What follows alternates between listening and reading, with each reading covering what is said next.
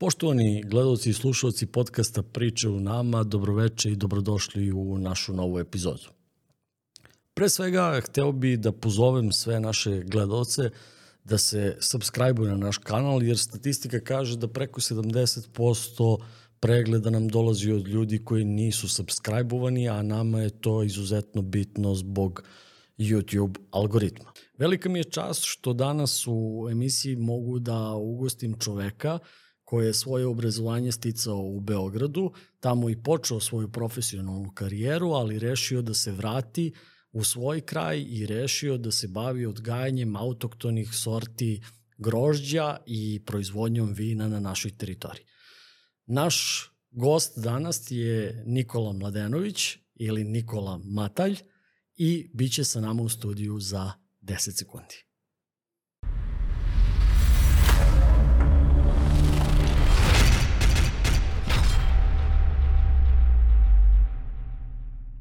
Zdravo Nikola, kako si danas?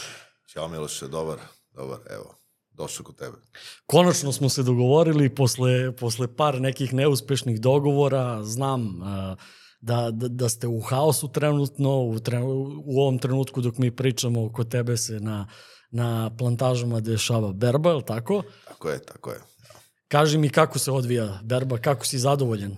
Pa, zadovoljan sam, s obzirom na jako tešku godinu i na baš malo otežane uslove. Uh, mi smo negde na pola, ovaj, ukupne prerade i u ovom trenutku sam zadovoljan, dobro, sve okej. Okay. Znači sve ide pod, kao podmazano, što bi se reklo. Nikad nije baš sve kao podmazano, ali ide, dobro.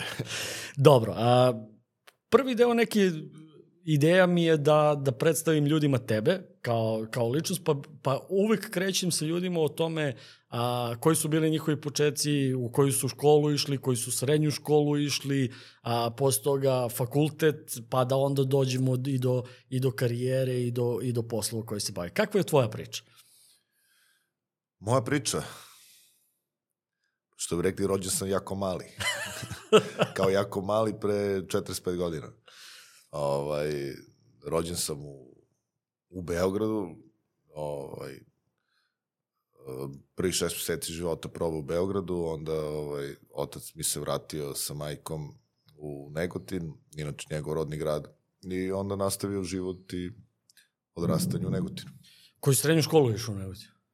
Išao sam u gimnaziju. U Negotinu u principu ima tri škole, ali uglavnom ljudi koji planiraju nešto studiraju dalje idu u gimnaziju, tu negotinsku i, i to je to. A kako je došlo do toga da, da posle srednje škole upišeš tehnološki fakultet? Pričali smo pre emisiji o tome da. i, i smejali smo se zajedno da redko ko upisuje tehnološki fakultet radi tehnološkog fakulteta, pošto smo kolege, ali me interesuje ko, ko, gde si ti sebe video, kako si ti uopšte došao do tehnološko-metaloškog fakulteta u Beogradu? Da, da, pa ja u principu jako cenim tehnološko-metaloški fakultet zato što je ovaj jedan od fundamentalnih fakulteta i iz oblasti fundamentalne nauke. Ja sam u suštini jako zavolao hemiju. Znači, ja sam upisao zbog hemije. Hemija mi je, imao sam jako dobro profesor u srednjoj školi, a, koji mi je ovaj, u principu a, usadio ljubav prema hemiji i onako otvorio meni i mojim drugarima tada svoje vremeno u srednjoj školi vidike šta je to sve hemija do nekih naj, najmanjih detalja i, i ovo, kako je to u suštini bazična nauka. I onda iz te ljubavi se javila želja i ovaj, a s obzirom da mi i otac završio tehnološko-metaloški fakultet, onda je tu neko bio logičan izbor da ja to upišem. Znači vi već generacijama studirate u, na tehnološkom metaloškom fakultetu. Šta ti je otac po, po struci? Otac je isto hemijski inženjer. Ja sam isto završio hemijsko inženjerstvo. Uh, on je bio dugogodišnji ovaj, i inženjer i na kraju karijere i direktor u IHP Prahovu. A ovaj, ali kažem da nije bilo te inspiracije hemijom kroz srednju školu koja je mene fascinirala kao nauka, ne, ne bi se odlučio za to, tako da ovaj, Kako si prošao? Znam da su, da su prve dve godine u principu verovatno na svim fakultetima, ali na tehnološkom, metaloškom je baš izraženo onako selekcione godine gde, gde i pored toga, ako voliš hemiju, imaš tu i, i fizike, i elektronike, i termodinamike, i Pa meni je sve to dobro išlo, matematika mi je loše išla. E, Ja u principu teže sam radio matematiku, pa u suštini ja sam stvarno voleo, znači ja, ja sam voleo to što radim inspirisao me taj fakultet um, i bio sam zagrejan, znači ono, nekim le, rečnikom da kažem, malo opuštenim zagrejan za tu celu priču i za sve te hemijske i prirodne nauke oko fakulteta. Smatram da je fakultet u suštini zahtevan bio i jako teš, odnosno radno postavljen, pogotovo u toj prvoj i drugoj godini selekcionoj, o čemu ti govoriš, a, ali ja sam ušao sa dobrim znanjem, dosta je tu hemija selekciona, selekciona bila, ako se sećaš, ovaj, jako puno vežbe, jako puno kolokvijuma i tu su ljudi padali. Ja sam ušao sa jako dobrim znanjem na tu temu i gurao sam to, plus ta ljubav što me to zanimalo. Imao sam problem s matematikom malo, uvijek sam tu malo slabije stajao, ali s druge strane uh, fizika, termodinamika, sve mi je to onako, što kažeš, prijelo i radio sam sa, sa, sa zadovoljstvom, što se. Ja sam dve godine izgubio oko matematike 1, a, a onako bila mi je, a, ekstremno teško mi je bila fizička hemija. Ne znam kako si ti prošao fizičku hemiju, ali to mi je onako bila misalna imenica. Prvo što je onaj eksperimentalni deo koji moraš da položiš, pa pismeni deo, pa usmeni deo, posle toga onako mi je bilo, baš mi je bila teška. Pa ne znam koji profesor beše bio na fizičkoj hemiji, ne mogu se setim, da li Rajakovićka, pa ja sam to dobro prošao, zato što me jako zanimalo to sve, jer mi je delovalo onako, uh, negde sa hemijom dođeš do jednog nivoa, onda sa fizičkom hemijom uđeš u drugi nivo, u dubinu neku, I ovaj, mene to jako zanimalo i jeste teško, jeste sveobuhvatno, ali čitava ta uh, dinamička ravnoteža fizičko-hemijskih sistema i uopšte živog sveta me je jako zanimalo. I uradio sam to zahtevan predmet, ono, predmet, što bi se reklo, uh, koji je okosnica za dalje ove neke, neke stvari i svakako možda i najteže na celom fakultetu, ali svidelo mi se. Dobro, a, nakon završenog fakulteta a, ti počinješ da radiš u Beogradu. Gde, kako je tekla tvoja profesionalna karijera i Da, pa onako to čudno kao i, i kod mnogih ljudi, i kod bez, uh, bez jasnog plana, uh, da kažem bez i jasne vizije, mislim što je normalno sa 23-4 godine, ovaj, izađe, izađe sa fakulteta po neke želje i znanja, međutim tad je stvarno bilo malo teže za posao. Mi smo baš bili u tom nekom periodu poslovnih promena i svašta se to nešto dešavalo. Kad uporedim sad neke trenutke u smislu potencijalnog zaposlenja iz moje struke deluje mi, ovo jako se ja više nisam u toj struci, ali tad je baš bilo onako čupavo i ovaj prvi posao koji sam ja uh, dobio uz pomoć uh, asistenata i kolega na završnim godinama studija je bio u projektantskom birovu Tahal. Tahal je bio uh, jedna mešovita projektantska firma uh, koja je radila tada projektovanje sistema uh, prečišćavanja pijaće vode Makiš 2. Znači, ja sam letao kao mlad tehnolog u, u taj posao i tu sam bio godinu dana. Bio sam godinu dana tu, uh, presekla me vojska. Presekla me vojska, obaveza služim vojsku, tada to više nije moglo da se ovaj, izbegava do, do, do kraja, ja nisam teo civilno, bilo mi je to nešto onako dugačko i tako dalje, otišao sam, tada je bilo šest meseci onako, što kažem, prošetao se kroz, kroz tu vojsku, nije to bilo nešto previše naporno i zahtevno, ali sam uslužio to što sam trebao da oslužim i ovaj, služio sam tu u Zajčaru baš onako, to je bilo ono, da kažeš, mislim da sam bio zadnja generacija koja je imala obavezan, obavezan vojnik ili predzanje. I ovaj, on a, vratio se posle toga na, na mesto firme, međutim, to je neka priča bila, ja sad ne znam da li kakva i veliki je to projekat, taj Makiš 2 bio, ta firma je još veća, radila na svetskim nekim nivoima, bilo tu dosta izgleda i neke politike i nekih financija i nešto je tu prestalo da, da, da funkcioniše sa tim projektom i ja sam u suštini dobio otkaz u toj firmi sa nekim, nekom potrebom za mojim angažovanjem prestala je ta potreba da postoji i jednostavno sam ovaj, dobio otkaz iz te firme. Uh, I onda se našao u situaciji šta da radim dalje. Paralelno sam bio upisao master studije, uh, tar se, to, to je još zvalo magistarske studije, jer ja sam završio po onom starom sistemu. Uh, I upisao sam te, sta, te stare magistarske studije i igrom nekih koincidencija, opet veza, uh, poznanstava, u principu sa profesorima se obreo na institutu za hemijsku tehnologiju i metalurgiju i HTM-u, gde sam uh, bio na projektu uh, još neki godinu, godinu i po dana. Eto, to je, to je neki, neki, da kažemo, taj deo moje, moje beogradske karijere, što se kaže. Nakon toga vraćaš se u Negotin. Pa, evo, vidim, znači, naravno, čovjek se traži, kao što sam rekao, nego, sad, da li se on traži ili ga traže okolnosti ili ga traži život, ne zna se šta ko koga traži, ali treba se tražiti. Znači, treba je to. Ja nisam uspio da se pronađem u, u akademskoj karijeri, zato što je to jedan vid života koji meni nije odgovarao i dinamika tog, tog života je drugačija.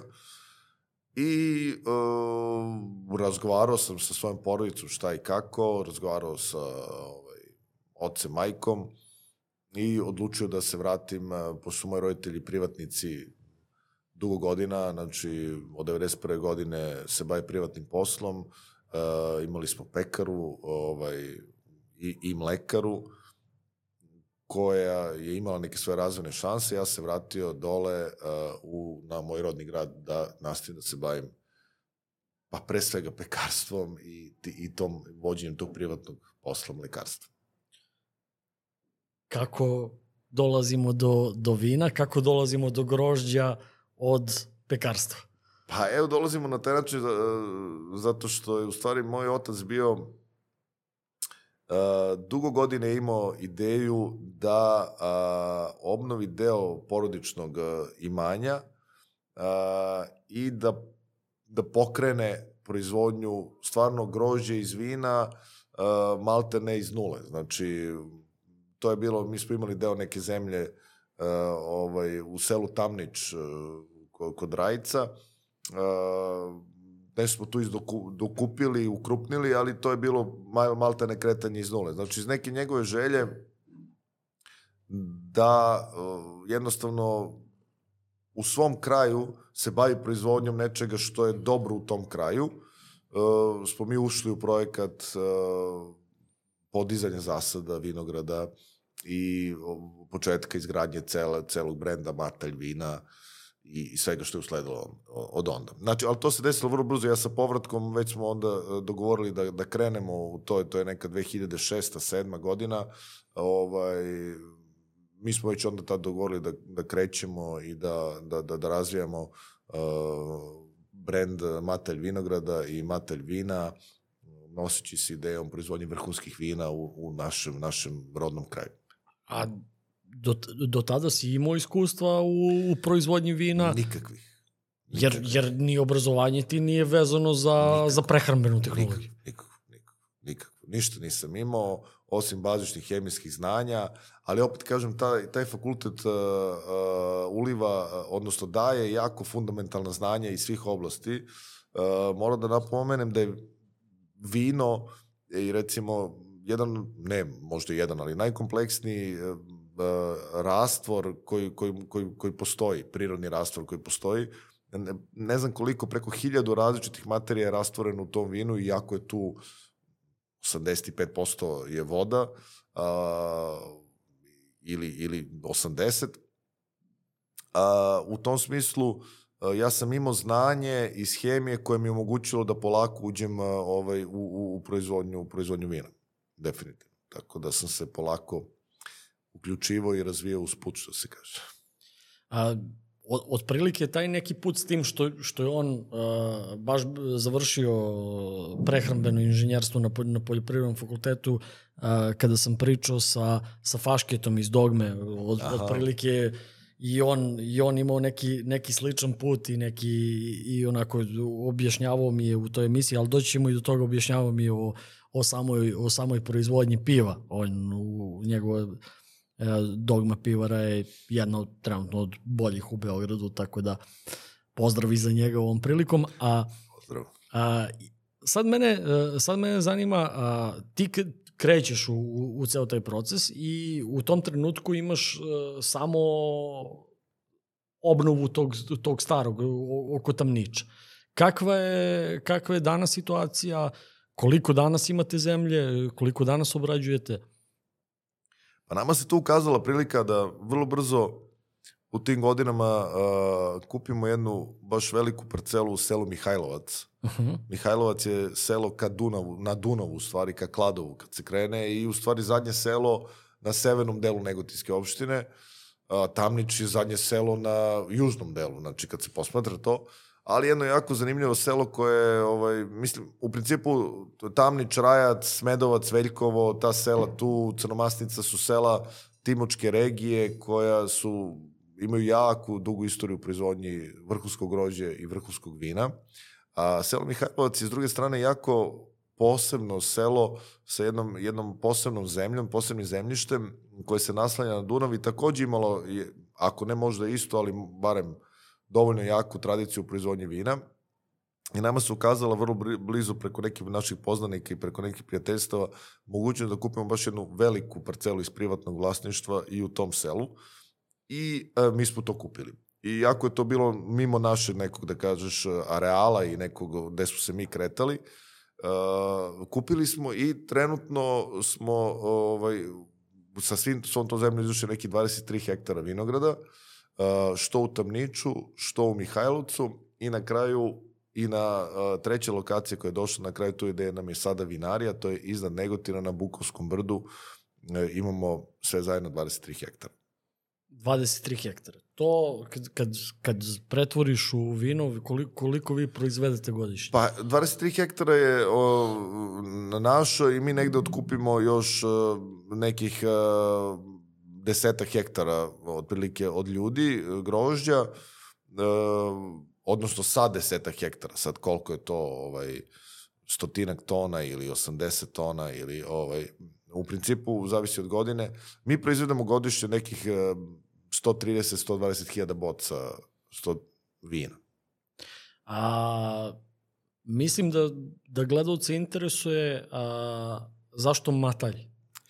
A, Matalj je moj porodičan nadimak, a, nadimak moga dede, a, Dimitrija, a, koji u suštini su, on, on je dobio kroz svoje neko detinstvo, nekom odrastanju, suštinski ja ne znam šta znači ta reč, ovaj, malo je to čudno, ali njega su, ja ga znam kao Mitu Matalja, uh, inače bio ovako višegodišnji direktor uh, možda i Negotijske gimnazije, čovjek koji je najduže bio na tom mestu. Uh, I on iz te priče, on je dobio taj nadimak u detinstvu i to ga je pratilo celo detinstvo i onda smo mi tako redom i to je to. E sad, odakle ideja, uh, vi uh, kroz ono što sam, što sam saznao tebi, čitao tebi, uh, vi dobar deo proizvodnje, odnosno uzgoja grožđa, bazirate na autoktonim vrstama, vrstama iz ovog kraja ili čak i nekim vrstama koje su malte ne bile pred nestajanjem u ovom kraju. Odakle ideja za tim? Uh, pa, ideja dolazi iz činjenice da da su da, da mi ovde u ovom našem kraju imamo neke dobre sorte. Znači, imamo neki, neke potencijale. Znači, kao to je, imaš neki potencijal koji trebaš da iskoristiš, znači, koji, koji ti je tu dat, prosto, što ga ne bi iskoristio. I eto, da, da ta ideja odatle dolazi, to je to. Koje sorte uh, autoktone pa, imaš? Pa mi gajimo pet, da kažemo, autotonih sort, sorti, uh, to su, znači, bagrina, crna tamjanika, začinak, prokupac, četereška. Četereška je ovako najmanje imamo i na kraju je ovaj, ona je poznata pod imenom i kadarka. Tako da to su sve sorte koje su se gajile u 19. veku i ranije u svim mojim vinogorima, od Negotina do evo, ne, Zajčara, Knjaževca, to je, to je, to je to na čemu se bazirala proizvodnja vina uh, u, u prošlosti u ovom kraju. A Koje je bilo prvo vino koje, koje si proizveo I od koje sorte? Uh, mi smo prvo proizvali jednu ru, dušicu roze uh, i to je bilo, da kažemo, da, od kupovnog gameja. Ona i dan danas postoji. Da, od kupovnog gameja je bila prva godina, 2008. Uh, bila je, ovaj, zašto tad nismo imali vinograde u rodu. Znači, mi smo, mi smo sadnju krenuli uh, 2007. 8. 9. i jednostavno, ali rešili smo da izađemo na tržište, pa makar i sa kupovnim grožđem i pokazalo se da je to bila ovaj, ispravna odluka, dobili smo jako dobro vino ovaj, koje nas je onako počelo postavljati na tržište da bismo mogli da radimo kasnije. Tako da, ovaj, a te kasnije su došle ove autoktone sorte i ima razloga za to zašto su došle kasnije, ali eto, možemo i o tome i Koliko je, ajde, verovatno si, verovatno si upućeni, ali stalno se a, pričaju neki, da li su mitovi, da li su istinite priče o, o vinogradima sa, sa ovog područja, a verovatno ima dosta toga istinitog, zato što definitivno ima kvaliteta u, u tim sortama, ali koliko je recimo istinita priča i da li imaš tu informaciju o onome eh, vinogradima u Francuskoj, pa kad su njima a, neka bolest je zahvatila vinograde, pa su onda sa, sa ovog prostora a, nosili tamo i ponovo obnovili zasade. Ne, baš je istinito. Znači, to je baš istinito i drago mi što im postoje to pitanje, jer ja mislim da mi malo osvetljavamo našu istoriju i tradiciju i nekako je stalno doživljamo u nekom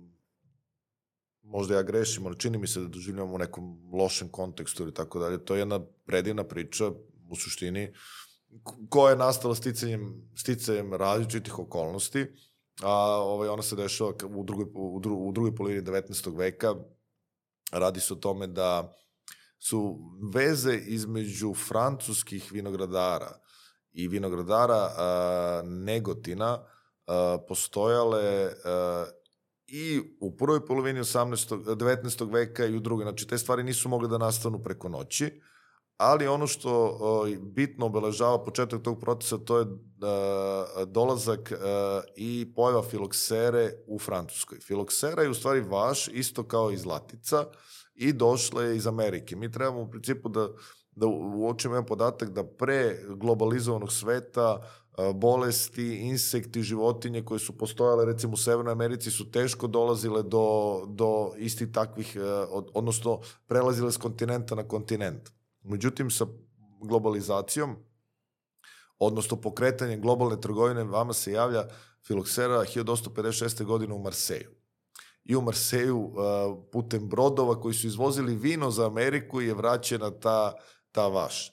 I šta se tu desilo? Desilo se da a, ta, taj insekt a, a, je devastirao, odnosno uništio u periodu od 35-40 godina sve vinograde u Francuskoj. Ako ne sve, pošto postoje neki uslovi da, da se neki vinogradi održe, ali 97% vinograda, 95% vinograda je bukvalno nestalo u 35 godina u Francuskoj. Sad zamislite vi kolika je to nacija, koliko je tu ljudi bilo i koliko se vino pilo i koliko oni piju vina i oni su imali neverovatan manjak. E, onda su se okrenuli za e, regionima koji u tom trenutku nisu bili zahvaćeni filokserom, a naravno nisu bili što udaljeni regioni, oni su duže uh, imali, jer u stvari ta vaš se prenosila preko Buradi, preko svega, uh, što udaljeni regioni i došli su do jednog takvog regiona kao što je Negoti, Negotinska krajina, u potrazi pre svega za vinom. I onda nastaje ta zlatna, zlatni period, druga polovina 19. veka, ozbiljne masovne prodaje vina od strane negotinskih vinara, Francuzima koji su onda preko Dunava to ovaj, i kroz Austrougarsku vukli do, do parobrodima, do, mada je bilo i parobroda ka Lyonu, i, odnosno ka Marseju, pa se onda vuklo re, rekama i tako dalje. Znači, opšta trgovina onako najozbiljnija koju mi možemo zamislimo i nastaje prosperitet uh, tih sela u okolini Negotina, a pre svega Rajca, Smedovca, i onih onih sela uh, koje Rogljeva. su, koje su poz, Rogljeva koje su poznate po pivnicama i tako dalje i e, nastaje jedna zlatna era vinogradarstva. Šta se onda dešava umeđu, umeđu vremenu? Kako nastaje ta romantična priča koja je u suštini istinita? A, e, Francuzi su, kada su videli da im nestaju svoji vinogradi, oni su uzeli plemke svojih vinograda, šta su plemke, to su oni lastari koji ostanu na kraju sezone drveni delovi, i odneli u regione kao u inkubatore da sačuvaju od bolesti. I gde su ih odneli? Odneli su ih u Negotin.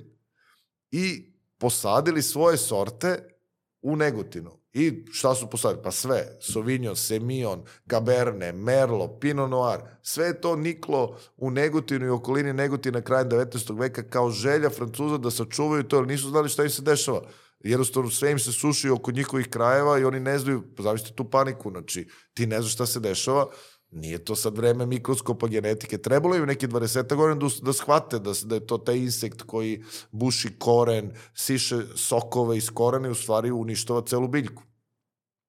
I tre, u tom periodu su oni to shvatili, oni su masovno prebacivali svoje vinograde bilo gde drugde, razmišljali da započnu poslove u tim drugim regionima, da se izmeste čitave porodice, jer to je njima bilo u krvi, oni su to radili vekovima, tu nije bilo nije bilo druge alternative. Šta radi? Da budu obućari sada, oni prosto ne znaju to. E, I u tom smislu je ta romantična priča 100% istinita.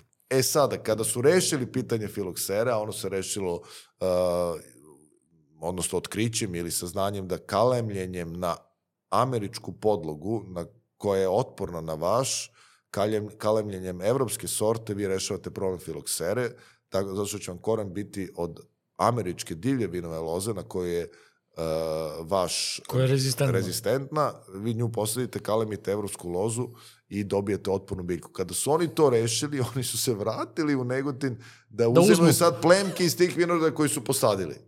Tako da je to bio jedan onako, totalno se rekla, win-win situacija koju je u stvari priredila ta mala, taj mali insekt. A kako smo mi došli, onda odličan šlagvort si sad dao za, za nastavak priče, kako smo došli od toga da a, smo Znači, to je početak 20. veka, otpred kraj 19. početak, početak 20. veka. Kako smo, kako smo došli do toga da, da nam krajem 20. veka a, te plantaže gotovo zarastu u, u korov, gotovo da nema proizvodnje. Mislim, a, ajde da kažemo, neka renesansa tog celog negotinskog kraja kreće otprilike od 21. veka, ponovo uzdizanje tog kraja. Da.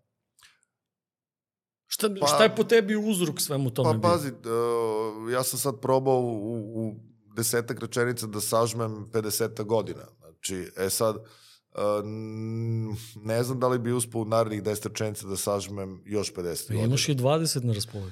Pa, uh, priča je u stvari pre svega i interesantna, a s druge strane i kompleksna. I tu smo već u delu društvenih odnosa i neki stvari koje su vezane za promenu društvenih odnosa u našoj čitavoj zemlji, u čitavom narodu uh, od 45. pa nadalje. Znači, mi smo imali jednu um, mi smo imali prvu polovinu 20. veka jako uspešnu u, u svim tim selima, uh, u celom Negotinu, ovaj, i u selu Mihajlovac i u Negotinu. Negotin je isto jedan vinski grad, koji je poput Beča, nego ti nima vinogorja na, na da kažeš, hodom, no, nogom može da uđeš u vinograd iz grada Negotin u, Beč, u, u vinograd. To možda uradiš u Beču, recimo. Tako da je Negotin, poput, recimo, Župskog Aleksandrovca, grad koji je živeo i živi sa vinogradima i od vina. Imaju si gradske porodice koji su imali vinograde. Nisi mora da imaš seosku porodicu, Imao si seoske, ali imao si gradsku porodicu koja je živjela u gradu, obrađivala vinograd na, u predra, predgrađu grada. Tako da je sve to išlo jednim jako prosperitetnim uh, ako razvojem. Uh, formirala se, formirala se uh, sad ne znam kako se tačno zove, da li se zvala Krajinska vinogradarska zadruga ili udruženje vinara, uh, ali one u stvari preteča uh, krajina vina, uh, koji su formirali privatnici po uzoru na naj, najozbiljnije takve poduhvate i zadruge iz Nemačke, Austrije, Francuske. Ona je formirana na uh, paritetnom odnosu koliko uložiš, toliko imaš prava glasa i uh, cilj je bio formirati zajednički podrum. Jer e, se tada osetilo da individualna proizvodnja može da zadovolji i treba da postoji, ali je potrebna i velika proizvodnja koja će zadovoljiti veliku potražnju. Vi ćete će imati kupci iz Francuske koji će reći daj mi sada 200.000 litara odma, to ne možeš da skupiš, ne možeš da, da ujednačiš, ne možeš da egal, e, odnosno iskupažiraš, nemaš veliki podrum i onda se javlja kupac, kaže, pa ja sad neću od Mike, ovo mi je malo gorko, ovo mi je malo kiselo, ovo mi je taman, super, ti ne možeš, da, ne možeš da napraviš jedinstvenu smešu. A bilo je vina da možeš da napraviš tu smešu, ali je trebalo transportovati u zajednički podrum. I onda su veliki trgovci i vinari Negotina formirali uh, Krajinsku vinogradarsku zadrugu, uh, koja je u suštini trebala da služi kao sabirni centar za dalju prodaju uh, vina velikim kupcima i u stvari je to primer koji postoji svuda na zapadu. I dan danas imate velike zadruge i u Italiji, i u Nemačkoj, a imate individualne proizvođače i svako traži neko svoje mesto. Formiranjem te zadruge, uh, ja čak znam neki podatak uzeti veliki kredit od jedne nemačke banke, znači oni su bili toliko sposobni da mogu da a, založe svoju imovinu, da im ne, Nemačka ili Francuska, nisam siguran banka, da ogroman kredit i napravljen je takozvani stari ili najstari e, vinarski, vinski podrum u Negotinu, nadomak železničke stanice a, u samom gradu Negotin. A, taj podrum, znači imate razvoj, imate bukvalno, znači sve ide svojim tokom, I to se sve naglo prekida 45. godine iz razloga koji su meni nepoznati, ja ovaj, ne, ne, ne znam šta se tu sve dešavalo, ali ti ljudi, njima je imovina oduzeta, a, a od tog podruma nastaje socijalističko preduzeće, kako se to već zvalo i šta se već zvalo, oprosti, molim te, ovaj, krajna vina.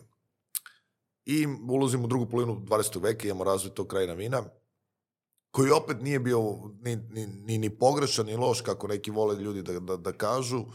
Um, bio je postavljen na, na relativno lošim osnovama, ali moramo da, u smislu tražio se, tražio se, tražila se masovnost. Tražila se masovnost, jer mi smo ušli u taj um, period masovnog života. Svi smo trebali da imamo vratnom ovaj, i niko nije obraćao pažnju na kvalitet i ni bio baš u drugom, drugom planu. Ali ono što je činjenica da se tada radilo loše, što jeste za nešto što kaže, to je bio rad sa vinogradarima, rad sa ljudima sa sela. Znači, e, prvo im je zabranjeno da, znači, mogu da ostane taj podrum takav i da bude veliki zadružni podrum, ali da ne ukide individualnu proizvodnju. A, jer je pot, postala potreba za jednim i za drugim. Ali on u suštini zbog politike i nekih dublih socijalnih reformi je njima vinogradarima nametnuto da ne proizvode vina, nego da predaju svo to grožđe u taj podrum. E, to je uslovilo uh, uh, menjanjem svesti i uma običnog vinogradara. Jer običan vinogradar je u stvari vinar. On želi da proizvede grožđe i da proizvede vino i da iznese to vino uh, svom prijatelju, uh, i, ali i da ponudi to vino restoranu. I da bude ponosan za svoj posao i da bude lepo plaćen. I to je sve lepo funkcionisalo. I sve imalo jako lepe ovaj, rezultate, kažem, do te godine kada je to presečeno. A, naterani su da predaju silom grožđe koje su hteli koje nisu hteli. Recimo, pola je neko ostavljao za sebe, pravio i prodavao restoranu u Beogradu sa kojim imao više decenijsku saradnju. A pola je rečio, rešio da proda, Ima raznih razloga. Zašto? Pa ovo će mu velika kuća dati pare odma, a restoran će ga čekati. Mora da ga čeka. Ali on je hteo jedno i drugo. Nje, to je bio njegov život. To je njegov bila dinamika života.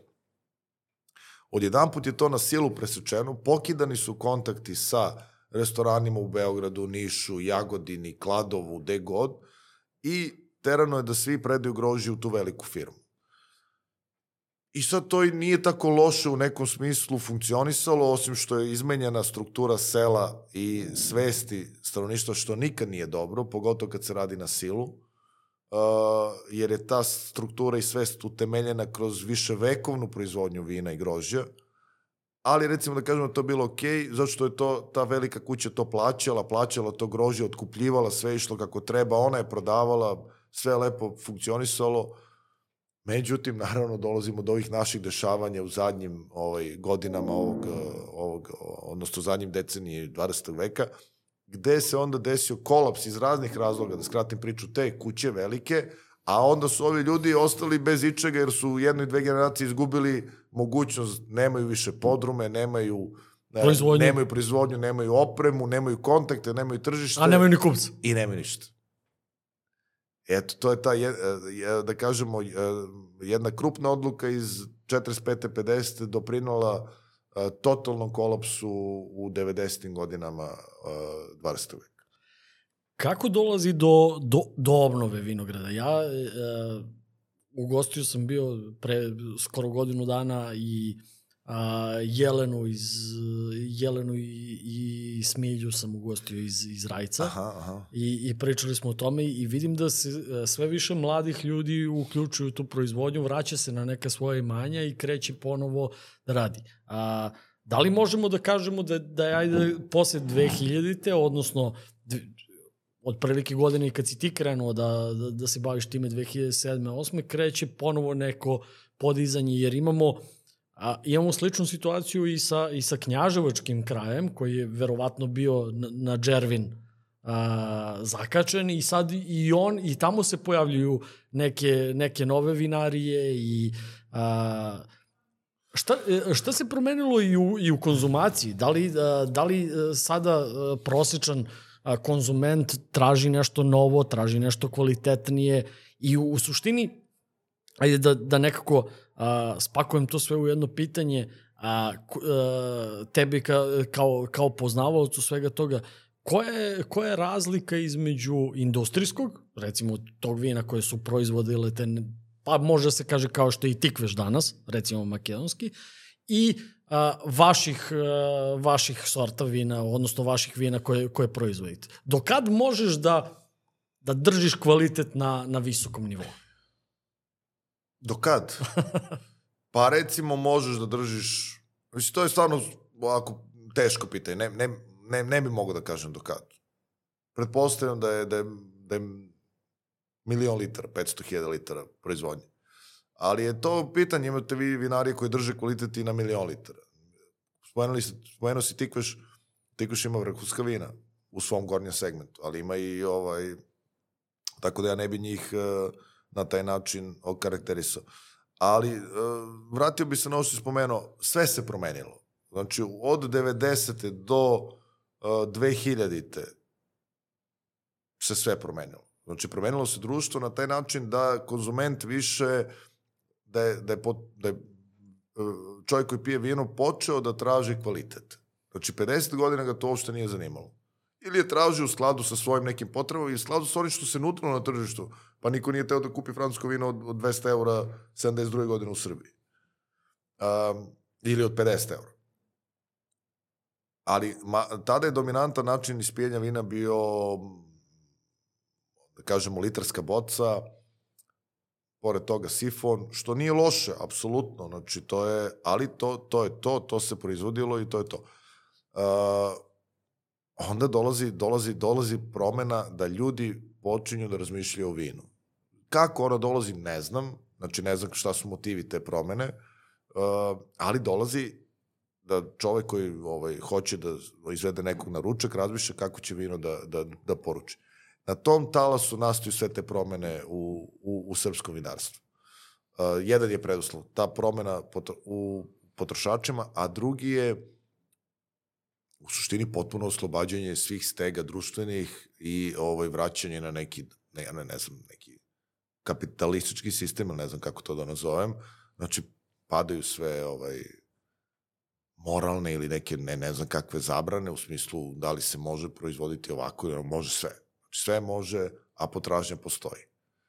I treći parametar koji odlučuje o tome je, postoje uslovi. Znači, uslovi nikad nisu ni prestali da postoje. Oni su tu, bit će tu, uh, mislim, za vijek i vijek ovo što se kaže. Tako da, ta tri parametra kad spojite, vi dobijete mlade ljude, preduzetnički nastrojene koji kažu pa ok, ja imam zemlju ili ja nemam zemlju, mogu da kupim zemlju. Četvrti parametar subvencije države koje o, treba naglasiti postoje u svim zemljama sveta. Gde god postoji vinograd, postoji subvencija države u ovoj ili onoj manjoj meri, tako da je to malte ne nešto što biste rekao ono podmoranje, znači to mora da postoji. za podizanje vinograda. Znači, Kakvi smo mi u tom segmentu u odnosu na, na druge zemlje? Pa odlični, dobri, dobri. 50% ti je za ovih 15 godina od, od 30 do 50% u podizanju vinograda, što je dobro. Znači, ako ti rekao vrati 30% od vrednosti podizanja vinograda, pa malo li je. Uh, I spojiš te tri okolnosti, dobiješ, dobiješ uh, veliki broj novih vinarija koji se otvaraju istorijskim uh, vinogradarskim rejonima Srbije, kao što su Negotin, kao što su Aleksandrovac, kao što je Šumadija, kao što je Fruška gora i dobiješ sve više kvalitetnih, dobijemo sve više kvalitetnih srpskih vina uh, sa prepoznatljivim stilom, pečatom, koji onda prodajemo na tom našem tržištu ili izvozimo i tako.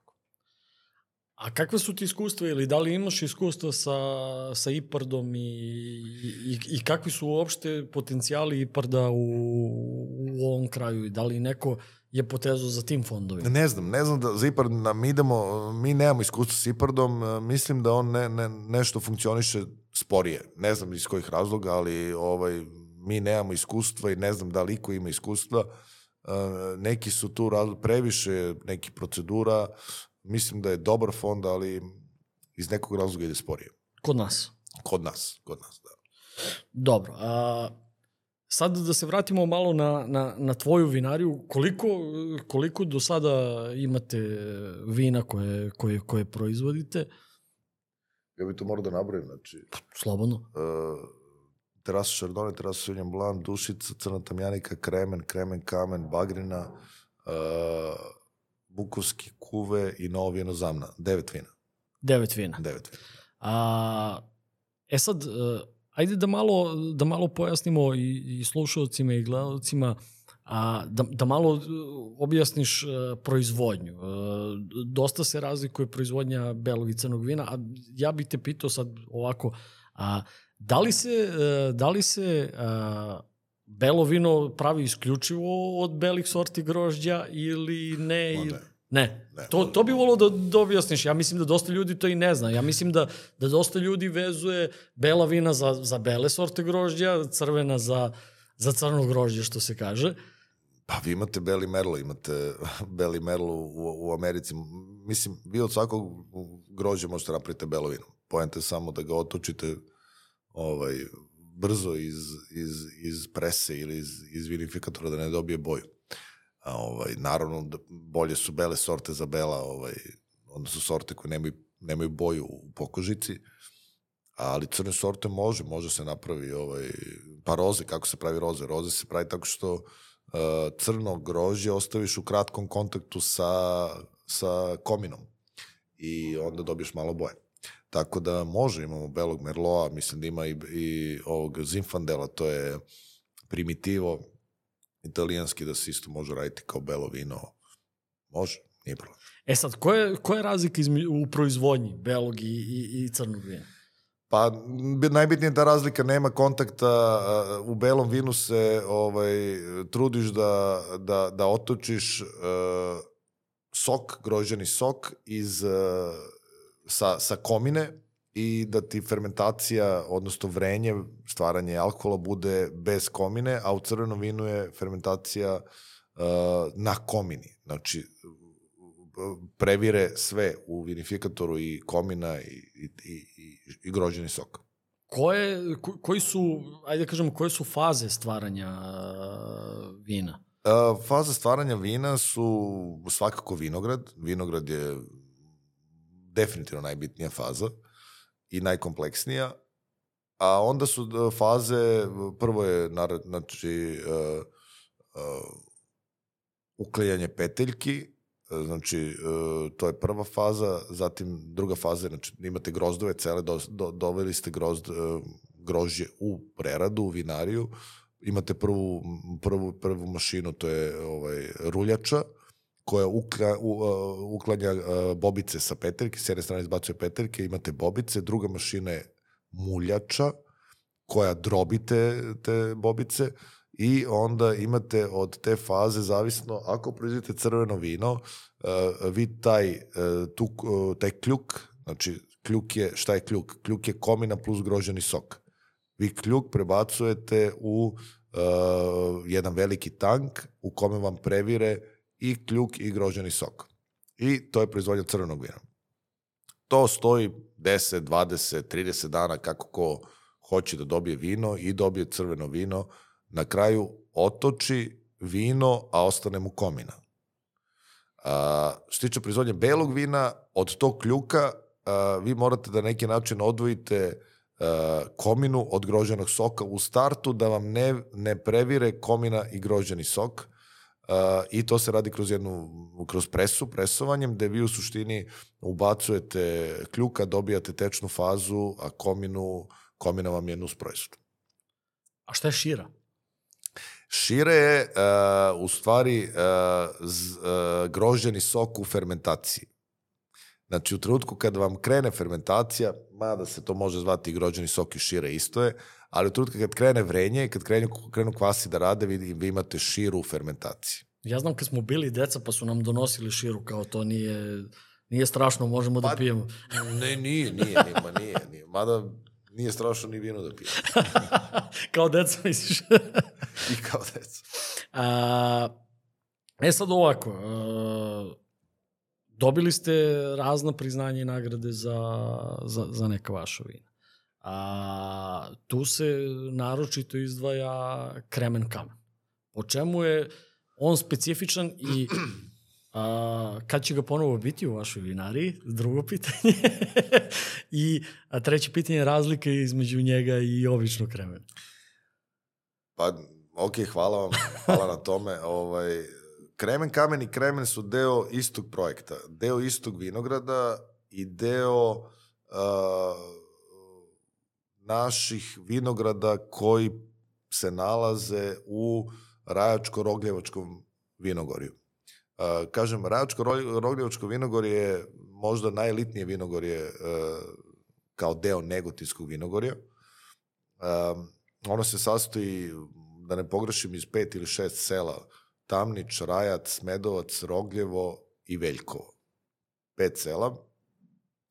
Pet sela, četiri pivnice i dan danas, odnosno tri pivnice, tri sistema pivnica očuvanih, tri kompleksa pivnica. To su ta sela koja su najviše profitirala krajem 19. veka i gde su se najviše ovaj, pojavili Francuzi. Uh, ali oni su pevali s razlogom uh, zato što uh, ta sela imaju stvarno jedinstvene uslove za proizvodnju vrhunskog, pre svega crvenog vina. Uh, ti uslovi su u stvari bazirani na veoma kvalitetnom zemljištu i na dobro izbalansiranoj klimi. I to je nešto što je od Boga dato, znači to ne može se napravi nikada, ni, niko to ne može da reprodukuje u prirodi i to je tako. Eto, to je to. Je to. E sad, naša uh, matelj vinarija i matelj vinogradi postoje u tri lokacije. Jedna je ta Rajačko-Rogljevačka u selu Tamnič, druga je Bukovsko brdo iznad grada Negotina i treće je selo Mihajlovac na Dunavu. Zašto tri lokacije? Svaka od tih lokacija nudi definitivno poseban stil vina. I mi u suštini se bavimo vinogradima, kako se to kaže, vinogradi podneblja. Znači, nam, nas zanimaju vinogradi koji su imaju specifične uslove jedinstvene i da bismo iz njih dobili specifično vino. E, tako je Kremen Kamen i Kremen deo projekta a, vinograda a, Kremen, znači to je jedan vinograd koji se zove Kremen, koji se nalazi na brdu Kremenjača, koje se nalazi opet iznad sela Tamnič. Uh -huh. I u tom vinogradu, koji nije neke pretrane velike površine, je zasađen Cabernet Sauvignon i odatle dolazi kremen i, i kremen kamen. Uh, nešto grožja za kremen kupimo od ostalih kooperanata iz tog sela, i iz okolnih sela, ali iz, tog vinogo, iz tih vinogorja, a kremen kamen dolazi isključivo iz tog vinograda. Uh, priča oko ta dva vina nastaje tako su mi prvo napravili kremen. Znači tu nema, nema, prvo vino koje je nastalo nije kremen kamen, nego je kremen. Uh, zašto je to tako? Pa jednostavno prvi kvalitet koji smo dobijali nije bio ono što smo mi tražili i što smo želeli, ali je vremenom smo uočili da delovi tog vinograda uh, daju bolje grožđe nego ostali delovi. Znači, jedan deo tog vinograda uvek da bolje, kvalitetnije grožđe nego ceo ostali vinograd. I tada počinje priča o našem premium vinu i o vinu koje nosi oznaku uh, da kažemo, specijalno grand rezerve, rezerve u podrumu, nečega što ga ima malo, i što, ali je malo uslovljeno zato što je taj deo vinograda naravno mali. Znači, kao i sve u životu, kad imate jednu veliku celinu, delovi su oni koji su kvalitetniji, a celina je, je prosek. Mislim, to je generalno zakon prirode. E, I mi onda, ovaj, ono što, što da možemo da kažemo da je naša zasluga i zasluga naših ljudi je da smo mi prepoznali ko je to deo vinograda. Znači, pojente kako prepoznati ko je to deo vinograda. Inače, ljudi uzmu, beru to sve zajedno i šta rade? Naprave prosek. Uh, pre, prepoznavajući i shvatajući koji je taj deo vinograda, a sada i znamo zašto je to tako, mi smo u stvari napravili preduslov da stvorimo vrhunsko vino, a podrum je samo nešto što je došlo ovaj, naknadno i negde se samo nakalemilo na to. Tako a, to je priča oko kremen kamena i kremena. A zašto je to tako? Jel to možeš da podeliš ili... Šta, zašto je to grožđe... Taj deo vinograda... Uh, bolji. Pa ne, ne mogu da ti odgovorim, uh, moram da te odvedem evo i sad u berbi, berbi, sad mi očekujemo berbu tog vinograda za neki desetak dana. Uh, jednostavno, uh, moram da, da kažem da nemam jednoznačan odgovor zašto je to tako. Verovatno je sklop pre svega zemljišta, uh, pošto je to ovaj, malo veći potez, pa onda se tu pokazalo da je, da je, ovaj, da je bolje, jednostavno grožje bolje i uh, biljka je u boljoj kondiciji, bolje, bolje, bolje se drži i kada je biljka bolje u boljoj kondiciji, onda ona pre svega ravnomernije sazreva.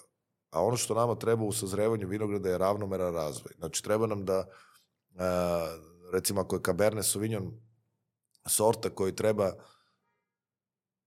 potrebno je nekih 25-30 zadnjih dana da u sazrevanju Cabernet Sauvignon budu optimalni. Znači da odnos temperatura padavina bude takav da e, pruži adekvatno sazrevanje e, ovaj e, vinogradu.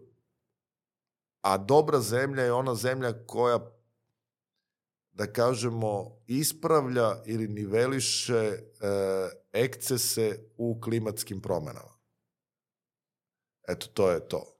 Oduševilo me na Na, na vašem sajtu me oduševilo što, što imate dnevnik maltene svake berbe gde, gde opisujete kakvi su uslovi u toj berbi bili, što sa vinogradarske strane, što sa enološke strane, onako me, baš sam uživio čitajući i to bi moglo i neka brošura da se napravi po, po tim berbama, onako moj predlog ali lep priče iz vinograda da se naprave. A Kada će ljudi moći da, da ponovo degustiraju u, u, u vašoj vinari kremen kamen? Pa mi kremen kamen uh, imamo neku ograničenu bocu u, u ovaj, čak i za prodaju u ovom trenutku, pošto to vino krajnje ograničeno uh, i trenutno je veća količina, nemoguće je kupiti veću količinu trenutno, ali neki, da kažemo, ograničene količine se mogu uzeti kod nas uh, u, ovaj, u nekom periodu, a očekujemo izlazak nove berbe negde početkom aprila sledeće godine. E sad, kad, e, malo pre sam pomenuo i te dnevnike, a i, a i opise nekih, nekih vina i onda kad se kaže u, u tom i tom vinu, pa može se osetiti aroma trešnje, ovoga, onoga, da sada da ne pričam na pamet. A kako dolazimo do, do tih aroma u vinu? E pa to je super pitanje. to je super pitanje zato što to pitanje je stalno uh, ja ga često dobijam i na, nameće se, ovaj, pretpostavljam da misliš odakle aroma trešnje u, vinu, znači Uh, A nema trešnje. Da, i nema trešnje, sad da li je to neko dodavanje i, i neko dode, ovaj, ne, uh, to je samo način da se opiše samo vino, a vino veoma često miriše na neku aromu trešnje. E sad, treba znati da ne konkretno aromu trešnje, recimo aromu borovnice ili aromu maline ili uh, uh, jednostavno grožđe, određeno grožđe uh, sadrži arome koje se isto nalaze i u malini i u jagodi, kiviju, ananasu uh, ovaj, i pažljiv, da kažemo, degustator vina. Uh, ja savjetujem svim ljudima da, koji se zanimaju za vino da kupe jednu sasvim solidnu čašu, ali ništa to ne mora bude preterano i da jednostavno kupe flašu dobrog vina i to, kažem, ne mora bude preterano u ceni, bilo kog našeg, eto, negotinskog vina, župskog ili nije bitno i da, da probaju da pronađu te mirise o kojima govorimo i vidjet ćemo da ti mirisi postoje. Ono što je bitno, to nisu veštački mirisi, to nije nikako dodavanje mirisa, to grožđe prenosi u vino i onda vino sadrži te mirise koji se originalno nalaze u samom grožđu i nastali su kao produkt sazrevanja grožđa. U suštini sve te arome su u, u grožđu, ali a, ih mi poznajemo iz nekih drugih a, Tako je, voćki Tako koje, je, tako je. na tako koje je, smo navikli. Tako je, tako je. Tako. Znači, tako dolazimo. A, bagrina. Da, Ono što sam uh, čitao i istraživao, uh, dosta veliki akcenat bacate na, na, na bagrinu kao autoktonu sortu. Šta možeš da nam kažeš o njoj? Mislim, ima, čitao sam i neku priču o, o prašivanju i bagrini i tako dalje. Pa Negotin je prvo o, region koji ima najviše autohtonih sorti uh, koje su u proizvodnju, odnosno na čitavu Srbiju. Govorimo o autohtonim sortama, ne novostvorenim sortama. Fruška Gora ima novostvorene sorte i, i tako dalje. Znači, u Negot, što je opet dokaz, uh, jer kad imate veliki broj različitih sorti koje se vezuju za određeni region, to znači da, ovaj, da je to istorijski region koji traje. Uh, Bagrina je jedna od tih so, sorti koja e, nudi najviše potencijala u proizvodnji belog vina, možda još u nekim stilovima vina, e, poput penušavac ili oranž tipa ili tako dalje, ali to je sorta koja e, je definitivno za nas jako bitna. E, ona je bitna iz nekoliko razloga. Prvo, ona je jedinstvena za, da kažemo, negotinsko vinogorje. E, u tom smislu nemate u ostalim delovima vinogorje, možemo reći da je samo naša što ne možemo reći za belu tamjaniku, recimo. Znači, bela tamjanika je čak i najmanje negotinska, mnogo je više u ostatku Srbije, župska i tako dalje. Ili prokupac ili tako dalje. Znači, bagrina je baš onako, ima jedan pečat e, negotinskog vinogorja a, i to je i zaslužuje da se radi, da se radi sa njom. E sad, problem sa njom je bio što ona malte ne nestala. Znači, bukvalno nestala, ono kao izgubljena vrsta, kao ne znam, koko iz Australije ili tako nešto. I ovaj, ja sam sa, sa mojim timom uspio da identifikujem jedan stari vinograd u selu, Braćevac, i to još 2011. godine, jer od starta me to zanimalo, jer u suštini nisam mogu da kupim kalemove bagrine nigde. Svi su mi govorili, to je nestalo, nestalo, no. E, Mi smo uspeli da, da, da, da nađemo te vinograde i da povučemo prve neke takozvane plemke, ono smo pričali, znači to je kad vinova loza ovaj, odrveni u, u februaru se iz- izvuku te plemke i onda se od njih prave nove, nove biljke. Mi smo to uspeli da uradimo 2011. godine i već 2012. posadili taj prvi eksperimentalni vinograd Bagrine, e, gde smo u početku dobili neke razne, razne rezultate, ali možemo reći da zadnjih 4-5 godina dobijamo odlična vina. E sad, mi smo i znali da, da e, ljudi su bili skeptični da li će biti dobro vino, da li neće, ali je sva istorija naša Uh, i svi podaci do koji smo uspeli da dođemo dogovorila da su vina od bagrine premium i da su vrhunska i da ta sorta može da vrhunski, vrhunski potencijal. Tako da smo trenutno jako zadovoljni s ovim što dobijamo. Dobili smo jedan potpuno neočekivani vetar u leđa od strane ove serije koje, koje, koje je snimana, prosto koja nema veze s nama, ljudi misle da, da, da, da smo mi neki deo te priče, ali naravno da nismo. I uh, bagrina je nešto sa čim mi krajnje, krajnje ozbiljno računamo u čitom razvoju vinarije. A šta je macelacija, Maceracija. maceracija, šta je maceracija i šta je, uh, li to odležavanje, šta je maceracija? Ne, maceracija je e, samo fancy naziv za e, duži kontakt kljuka i šire, kljuka i komine. Znači svaki kontakt kljuka i šire se zove maceracija. Znači vino macerira na komini u proizvodnji crvenog vina. Tu si najavio da ćeš e, eksperimentisati sa bagrenom i dugom Pa maceracijom. da, ja ne znam, uh, ako si vidio groz bagren, to je za mene najlepši groz koji postoji ovako u, u, od sortimenta vinove loze. On ima predivnu boju. To je boja koja je na bakarna, na ivici čilibarne bakarne, nekog pre, preloma između ne znam nijakakvih boja. Ovaj, I uh, on samim tim, znači ima, ima, ono smo pričali, ima boju u pokožici. Znači, bagrina je obojena sorta, ali pitanje je kako dobijamo belo vino? Pa tako što imamo kratak kontakt gde ne dođe previše ekstrakcije boje u sok. Ali šta ako ostavimo duže, duže, dužu maceraciju, šta ako ostavimo, šta ćemo dobiti? Pa dobit ćemo kompleksnije vino. Možemo da odemo i u nešto lošije, ali ako, ako imamo pravilnu tehnologiju, pravilno znanje, dobit ćemo kompleksnije vino i to je to duže macerirano vino na komini. Znači imat ćemo sok koji je povukao više aromatskih ili fenolnih materija iz pokožice u samo vino. I to može da bude jako zanimljivo. Čak si najavio možda mogućnosti eksperimentisanja sa penušovim. Penušavac je nešto treće, to ono kad smo pričali oko, oko gde se ona može razviti i ovaj, vidim da si ti to lepo sve negde povoto. ovaj, penušavac je jako, jako zanimljiva stvar koja se možda može raditi od bagrine, ali mi u ovom principu u ovom trenutku imamo uh, ograničene količine tih, jer smo bukvalno krenuli razvoj celog vinograda uh, od pet biljaka koje smo našli u prirodi. I to je baš loša stvar. Znači, naći samo pet biljaka, to je katastrofa. Zato što je, da vi napravite vinograd od pet biljaka, lupiću da li pet ili deset, ajde, nije ni bitno, ne mogu setim, vi kada uzete te plemke, vi trebate da ih posadite, pa čekate svaku sledeću, u stvari tri godine, dve, tri godine da biste povećali zasade. I onda nas već dugo godina prati neka priča, stalno pričamo o bagrini, mi dobijemo neku količinu koju vrlo brzo rasprodamo, i onda to malo i stvara loš, loš imiž za tržište, jer nemamo, nemamo tog vina, a volili bismo da ga imamo. I tek je sada, znači posle nekih deseta godina uh, umnožavanja tih biljaka smo mi stigli do nekog zasada koji će nam onda omogućiti količine da se bavimo malo duže maceriranom bagrinom, e, malo penušavcima i nekim, nekim razvojem. A na koji teritoriji je zasađena bagrina? Posadili smo je e, trenutno u dva od ova vinograda, znači Bukovski i Mihajlovački.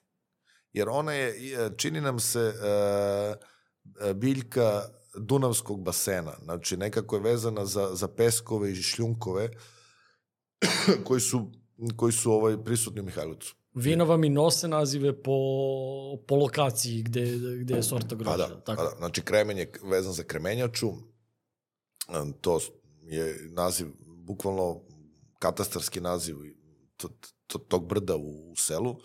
Terasa je vezana za Dunavsku terasu, Dunavska terasa je u stvari geografski oblik na koje se nalaze te, ti ovaj, vinogradi, a u stvari predstavlja jedan od uh, bivški, bivših tokova same reke. Znači, nekada je reka tekla po tim terasama, naravno radi se o milionima godina, tako da u suštini ono što mi sadimo po Mihajlovcu i tamo da je uzgajamo u stvari je rečno dno Dunava iz neke epohije, tako da veoma zanimljivo zemljište. Poslednje nešto na, što, što, što sam uspeo saznam je zamna i A, ako se ne varam, ona je dobitnik bronzane e, jest, medalje na, jest. na dekanteru.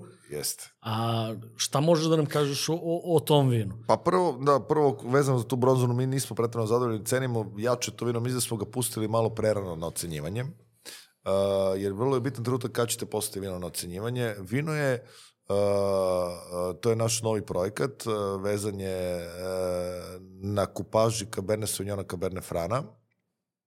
Znači, radi se o novim zasadima uh, u selu Mihajlovac, upravo na toj zemlji o kojoj smo govorili, toj uh, peskovito, šljukovitoj zemlji. Uh, I uh, on je u suštini, uh, da kažemo, totalno ili suprotno stilski vino od kremena i kremen kamena. Znači, to su dva različita stila uh, koja pokazuju uh, specifičnost i raznolikost uh, negotinskog teroara.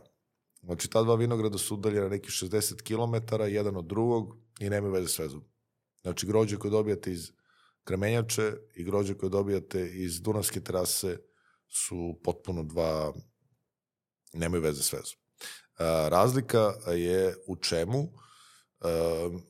Mislim da će biti jasno, Dunavska terasa u Mihajlovcu nudi južnjačkija vina. Znači, nudi punija vina a, sa više aroma voća, više aroma a, džema, znači onako podsjeća na Makedoniju, na Australiju, ali opet sa, sa dovoljno strukture da vi ne osetite da pijete sok od, ili džem od borovnice, što je vrlo često slučaj sa južnočkim vinima, uh, jug Italije, Makedonija, Australija, Čile, znaju da imaju tu notu, jer oni se bore sa viškom temperature, oni imaju, imaju višak temperature.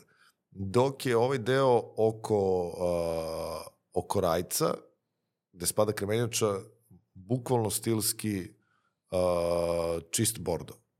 Znači, to je onako najveći, najveći region sveta, možemo ga uporediti sa, sa tim, ali za nijansu topliji, u stvari možda i više od nijanse, što mu daje onda još veći potencijal za adekvatno zrenje tih crnih sorti.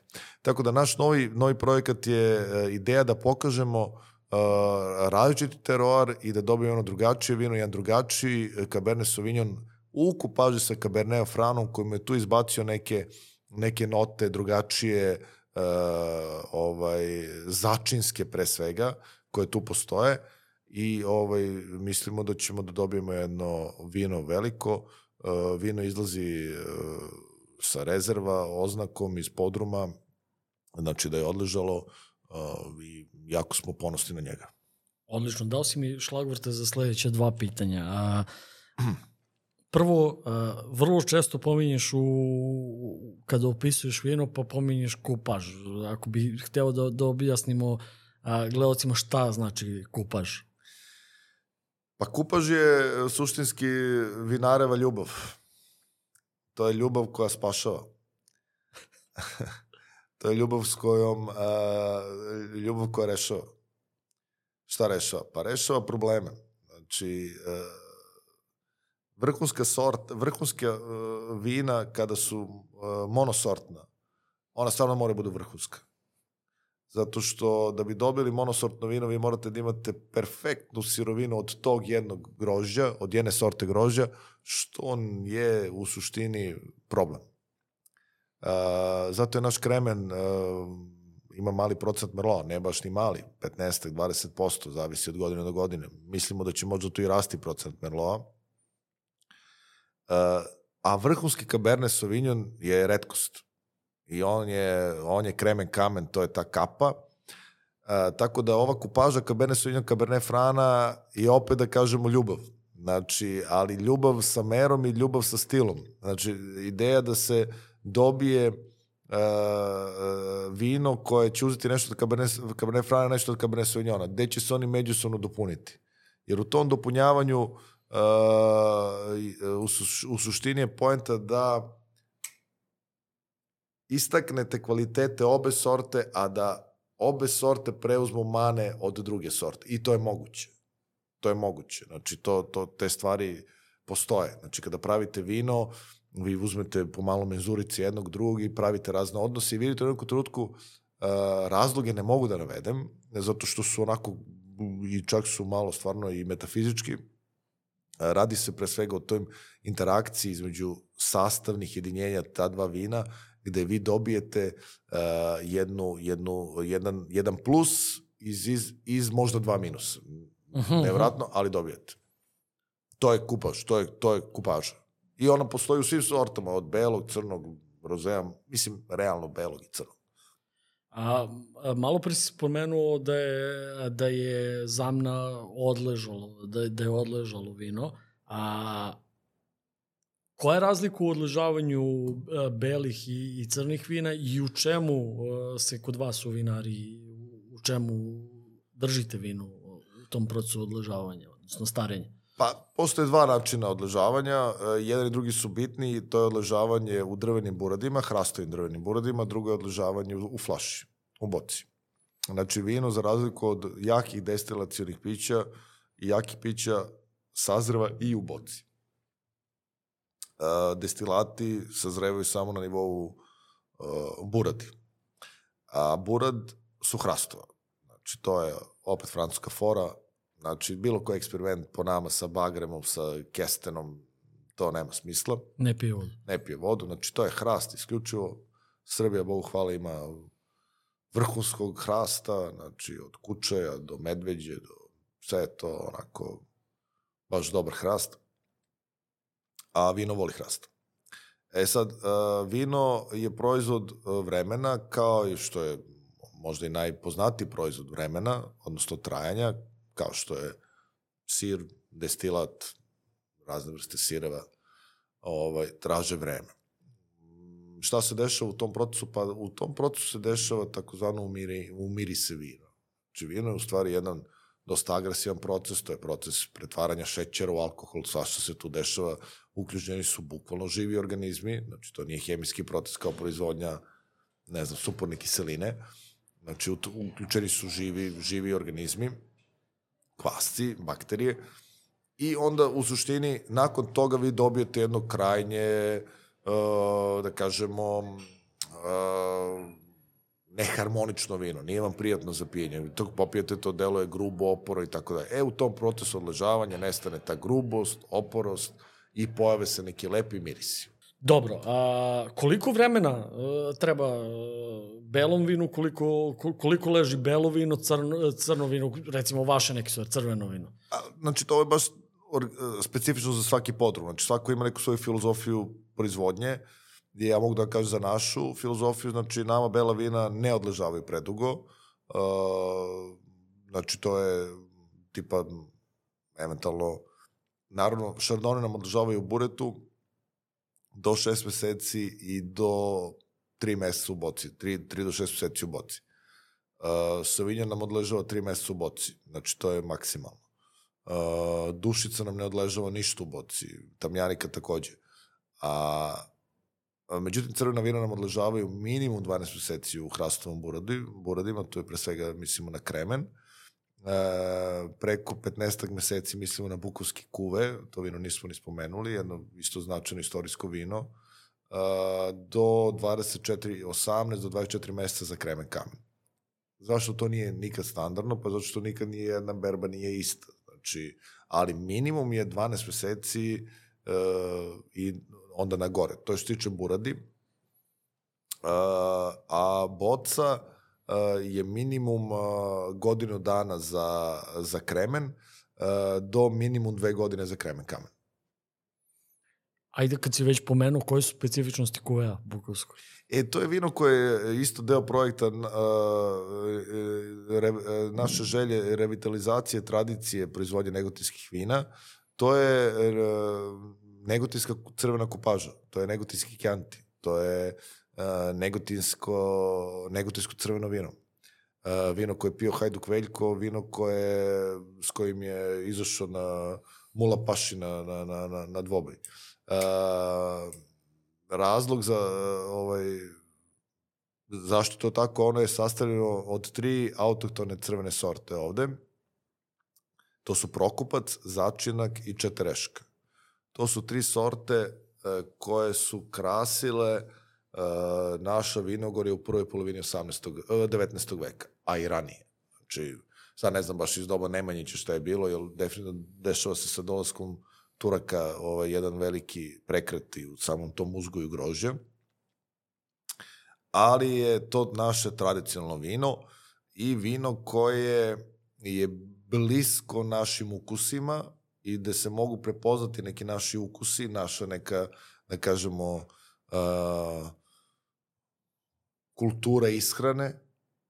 To je vino tanjeg tela uh, u odnosu na Cabernet i Merlot, slično Pinot Noiru, znači slično crnom burguncu, a naš narod je volao crni burgundac i volao takva tela i može više da se popije. E, znači, jaka, kao smo pričali o promeni navika potrošača, jaka vina, sad recimo ova crvena stilski vina, one jesu e, čak i na zapadu, a i u Srbiji osobina 21. veka. Eventualno, zadnji, zadnjih dve i po decenije 20. veka, u, znači ranije su i u zapadnoj Evropi ljudi izbegavali tako prejaka vina. Što da se trend neće promeniti opet pa će doći neki novi, novi, neki novi trend. A tretiranje grožđa. A, ono što sam uspeo da saznam u vama je da, da gledate a, dosta da to bude održiva proizvodnja i da gledate da dosta izbacite svako tretiranje hemijskim sredstvima u vinogradu. Svakako. Mi smo... Ne želim da kažem da težite apsolutno organskoj proizvodnji, ali se polako približavate tom načinu. Pa jesmo, jesmo. Međutim, to je proces. To je proces koji traje. Vi ne možete da... I mislim da malte ne u, u Negotinskoj krajini ne znam da li postoji jedan sertifikovani organski vinograd ili postoji možda jedan, dva. To je proces koji traje, koji je rizičan, ali mi često taj proces zna da bude onako i malo zloupotrebljen u neku svrhu i da ovaj, se onda odgovornost prema životnoj sredini svede na promociju kvaliteta vina. Te dve stvari nemaju veze s vezom. Znači, odgovornost prema sobstvenoj zemlji i sobstvenom vinogradu je nešto što se podrazumeva, a kvalitet vina je nešto što se zahteva. Uh, tako da, a kod nas se trenutno na tržištu to često zna i malo mešati. Znači, sad do, vino je organsko, sve po sebi kvalitetno. Ne, u najvećem broju slučaja je vrlo diskutabilno. Ali te onda neko ubeđuje da je to kvalitetno. Ono što je sigurno da vino, i ako nije organsko, mora bude zdravstveno bezbedno. Znači, o tome ne, ne, ne vredi da, da razgovaram. Uh, ali ono što je svakako sigurno da pretrana upotreba uh, sredstava za zaštitu bilja i sredstava za kontrolu korova dovodi do uh, upropašćavanja kvaliteta samog zemljišta i zagađivanja životne sredine. Tako da o, smo mi doneli jednu odluku, to je pre tri godine, mi smo prestali s upotrebom herbicida. Znači, mi kontrolu korova više ne radimo uh, hemijski, nego isključivo mehanički. Tako da, to znači motika. Čupanje. Čupanje, motika, motika udrije i to je to. Pa ko preživi? Tako da neki put na maloj vinogradi izgledaju malo zatravljenije nego što bi trebalo, ali opet imamo starije vinograde koji mogu da podnesu tu travu i nama je to okej. Okay. Znači, u tom nekom saživotu, u toj nekoj bujnosti svega što se dešava u vinogradu, vi uvek imate nije u suštini dobro imati monosortni vinograd, uh, odnosno monokulturni vinograd, ne monosortni. Znači, samo da imate kulturu vinove loze. Dobro je da tu ima i korova i drugog insekta i svega nečega, da tu malo gmiže i da postoji jedna dinamika u prirodi. A, tako da to je ono čime, čime se bavimo i, i težimo. A, Matalj kao brand, a, ono što svako može da primeti ako, ako poseti i internet prezentaciju, a, ajde da kažemo da je to brendiranje a, samog vina jako ozbiljno urađeno, a, i ambalaža, i logo, a, da li imate ljude u vašoj kompaniji koji se bave, koji se bave marketingom ili outsourcujete marketing? Outsourcujemo. Outsourcujemo. Nismo mi, ovaj, pogotovo u lokaciji gde se nalazimo, malo je Negotin e, ipak zabočen na tu temu. Um, marketing je praćenje trendova, znači trendovi se ne kreiraju u Negotinu, ni u Zajčaru, e, ili se kopiraju, ali se kopiraju najpre u velikim centrima, tako da smo to outsourcovali jednoj agenciji na, na ovaj, Beogradu koja to radi za nas. Ono što mi radimo je da u saradnji sa njima, što mislimo da je uvijek, inače ne može da bude uspešno, znači jako bitna stvar, Uh, to je uh, međusobna komunikacija i usklađivanje sa, sa tom agencijom i filovanje materijala, znači dostavljanje materijala, adekvatnih materijala koji smo dogovorili na koji način treba da budu dostavljeni i u kom tempu. Tako da imamo par ljudi, on, mada to nisu par ljudi, to su ljudi koji su zaposleni u restoranu, vinari, u, tehnolozi, koji s vremena na vreme imaju obavezu da pošalju adekvatan materijal koji će približiti uh, ovaj, ono što mi radimo uh, preko socijalnih mreža našim, našim ljudima. Ljudi vole da budu u toku i to je normalno. Znači, ova emisija i, i jednostavno ovo je vreme, vreme komunikacija. Ako ne komunicirate, ne vidim razlog zašto ne biste komunicirali, ovaj, nećete imati adekvatne rezultate na tržištu. To je prosto moranje. Must have, što bi rekli. Da. Ali A... lepo must have, nije to ružan must have. A, vino i turizam. U, bitno, sup, da. Totalno bitno. Totalno bitno. Turizam je grana ekonomije koja pokreće i pokretaće A, tu je tek stvar onako, ne zna se koliko dinamična, ekstremno dinamična. A, turista voli vino, turista voli sadržaj, čovjek koji ti ili ja kad odemo negde, bilo gde mi se uvijek pitamo šta imamo, znači ono, tri dana nam je dovoljno leženja na plaži, četvrti ajmo negde nešto da radimo. I tako se u stvari formira ovaj potražnja, na taj način se formira potražnja, onda trebate adekvatnu ponudu. Adekvatna ponuda je ovo što mi radimo i što rade neke naše kolege, hvala Bogu, i a, u tom smislu je nikad bolje nećete predstaviti vinariju nego u svom objektu, u svom vinogradu. To, kad vam neko dođe i prođe kroz vinariju i vi mu postavite pažnju i proba vina tamo gde nastaju i okrene se oko sebe i vidi da to sve lepo, kulturno, on se vraća u svoj rodni grad i traži to vino i traži ga u restoranu, traži ga u kafani i to je to, super, fenomenalno. Ono što ja mogu iz, iz svog iskustva nekog da, da pohvalim je a, izuzetno dobra usluga kod vas u restoranu. Hvala, hvala. A, izuzetno edukovano osoblje koje, koje može da ti i objasni neke stvari o, o samim vinima. A, u vašem objektu su, ukoliko neko hoće da kupi VP cene, Pa blizu VP-a, da kažemo, ili da, VP, VP, VP.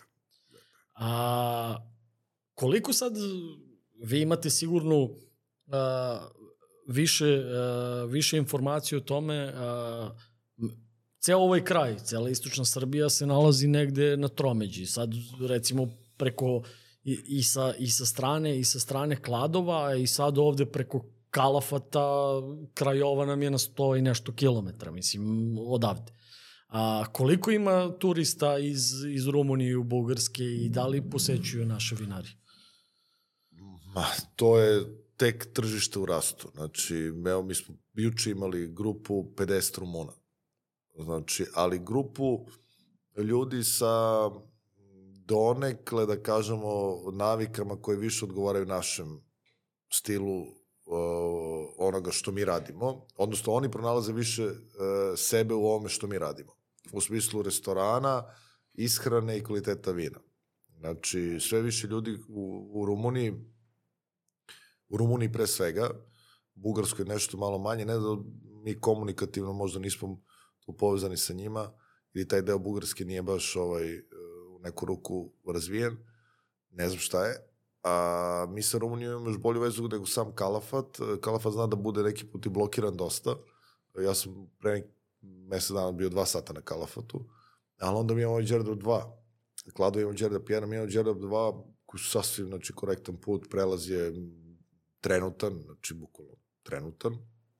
I vi imate nekih ja točno znam, ovaj, ima tu 100, 120, 130 km do Krejove, ali ima dva sata vožnje, znači ne, ne može pred toga. Ali tu se Da, pojavi... uglavnom je magistralni put. Da, uglavnom je magistralni put, ali ono što se pojavi grad koji je ogroman i, koji, i treba jačati tu saradnju. Mi imamo neke billboarde u Rumuniji, imamo Dorbeti, u Turni, malo imamo ciljeni neki marketing, Instagram.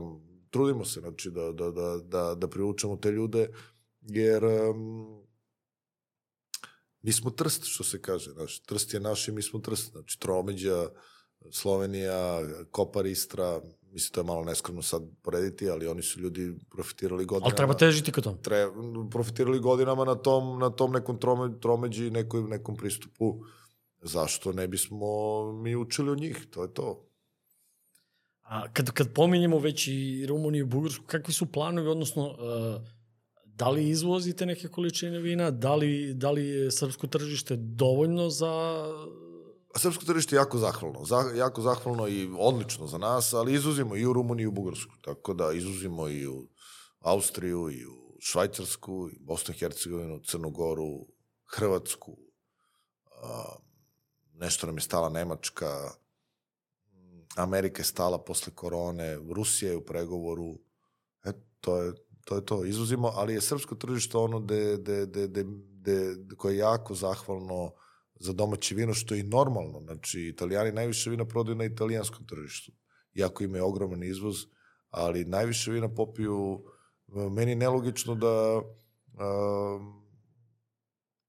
ajde da budem ka, precizan, bilo koja vinska karta u Zaječaru uh, makar sadrži i jedno strano vino. Meni to ali stvarno, ne, možemo zvuči pregrubo, ne vidim razlog zašto bi jedno italijansko vino bilo na viskoj karti u Zaječaru. Zašto bi apatinsko pivo bilo na pivskoj karti u Zaječaru? To je tek priča za sebe, znači to je, ali, Ali ja oni mislim- se bore parama tu, znači o, Ali to su gafovi naše pivare, ja to mislim da, da, da ne sme da se desi.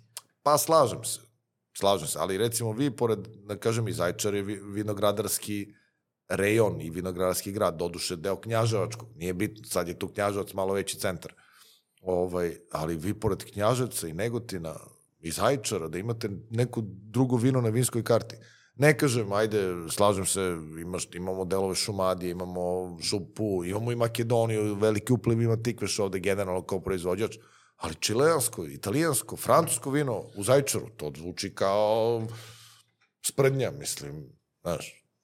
Pa, od, od prilike kao i morska riba u Zaječaru. Pa ajde da nemam neki komen, ali dobro, znaš, sad, neki kanali vidu avioni iz Crne Gore dosta brzo, ovaj, ali jeste, kao morska riba u Negotinu, znaš, pored Dunava, ili morska riba u Kladovu, znaš.